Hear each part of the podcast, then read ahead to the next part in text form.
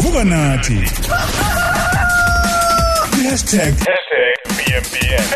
#VMBS sibheka yona indaba yokuphepha online. Sikubingelele sikwamukele Amanda. Nanongcebo njani? sikhona njani? Siyaphila, ngiyabonga. Uh siyabonga nathi ukuthi ube nathi. Eh, we, we, we Amanda i- i- kade silalele la eh, ama voice note abalaleli. Eh nga- ngazithola empeleni sazithola si- sibuzana la e studio ukuthi lokho abakhuluma ngakho iyona cyber security yini? Ngoba thina masicabanga indaba ye cyber security sicabanga umuntu ozokulutha online sicabanga umuntu ozoganga ngekhadi lakho online umuntu mhlawumbe ozok- ozofaka escamming indlela thizeni online. I cyber security ak- ake sichaze ukuthi ihamba ibanga lingakanani Okay. So kukabili. Uh njengamanje kune cyber security okuyiyona abantu abayazi kabanzi ngoba ilona gama eliqavile. Njengoba usho mangabe ukuthi ujontshela amakhadi mangabe ukuthi abantu ba hacker into icomputer yakho bakusendela ama emails eh lama emails ukutshela ukuthi uwinile. Uyabona kuthiwa faka imininingwane yakho utshontshelwe kanjani nama SMS izinto ekanjalo but khona into ekuthiwa i data privacy. Mm -hmm. right? Okuyiyona kufanele siqaphe kakhulu sa siyisintu um ngisho ngani na? I data privacy ihambisana nomthetho ekuthiwa i protection of personal information act. Leyo act o lo mthetho ukhuluma kakhulukazi ngokuzivikela wena ngokwe ngokwe information yakho e, e personal. Mm -hmm. right? So igama lakho i ID number yakho zonke lezi zinto ezijontshwayo ngisho i cell phone number yakho. Mm -hmm. i, i Poppy Act ithi i private cell phone number yakho ama address mm. even igama lakho la ku social media lezo zinto zi private mm -hmm. and ukuze uziprotect fanele uwazi ukuthi kunomthetho oshoyo ukuthi lezi zinto zi private nakukho semthethweni ukuthi abantu benze noma kanjani ngazo mm -hmm.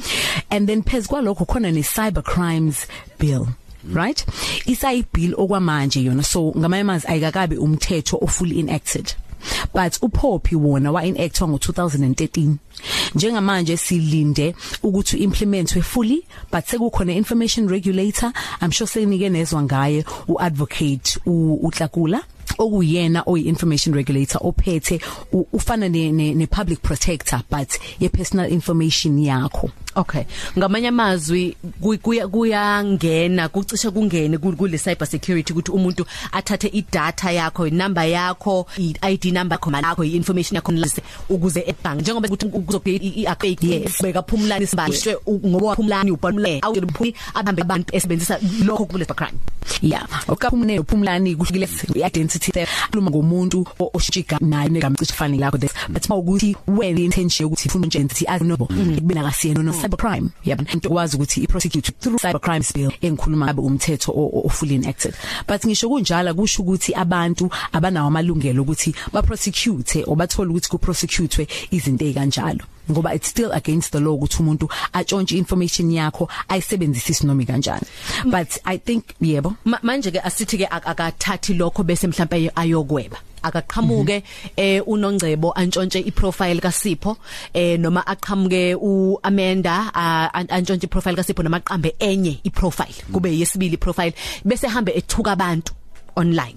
Ngale gama lika Sipho ku Facebook noma ku Twitter noma ku Instagram ahambe ethuka abantu ahambe efuna izimali ebantwini. Nangu nje um, case in point ayanda mswele sisebenza naye. Okwathathwa inamba yakhe ya WhatsApp ya clonwa kwahamba kwayefuna izimali ebantwini. Lapho kufanele kube ukuthi khona i loss ekhona ngokwento ephathekayo impahla noma imali noma kwayikona ukuthi ngisebenzisa igama la Amanda nje ngithatha iprofile yakhe ewummeli ewumuntu ohlonishwa emphakathini ngihambe ngiyokwenza okukhulu kona konakala gcina selahlekelwe umsebenzi ngoba ngisebenzisa igama lakhe.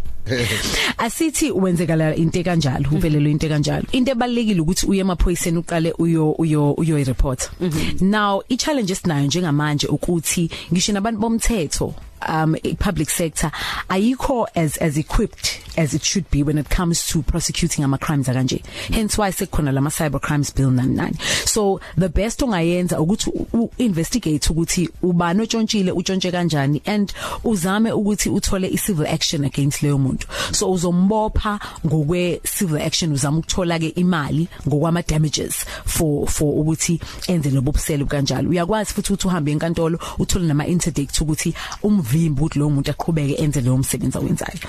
Um ukuthi okwamanje i-technology iyashesha iyaphuthuma but umthetho wethu you know ulandela ngemuva. But eSouth Africa eh, we are much better off than lamanye amazwe eAfrica ngenxa ukuthi sesinayo imithetho esiqophiwe. Indaba isekuthenini manje lemithetho njengoba isibhaliwe ke ayiimplementwe but ekuthenini iya implementwa leyo mthetho fanele thina sabantu sazi ukuthi athina amalungelo ethu uyabona? Fanele siyifunde lemithetho and i think into esilimaza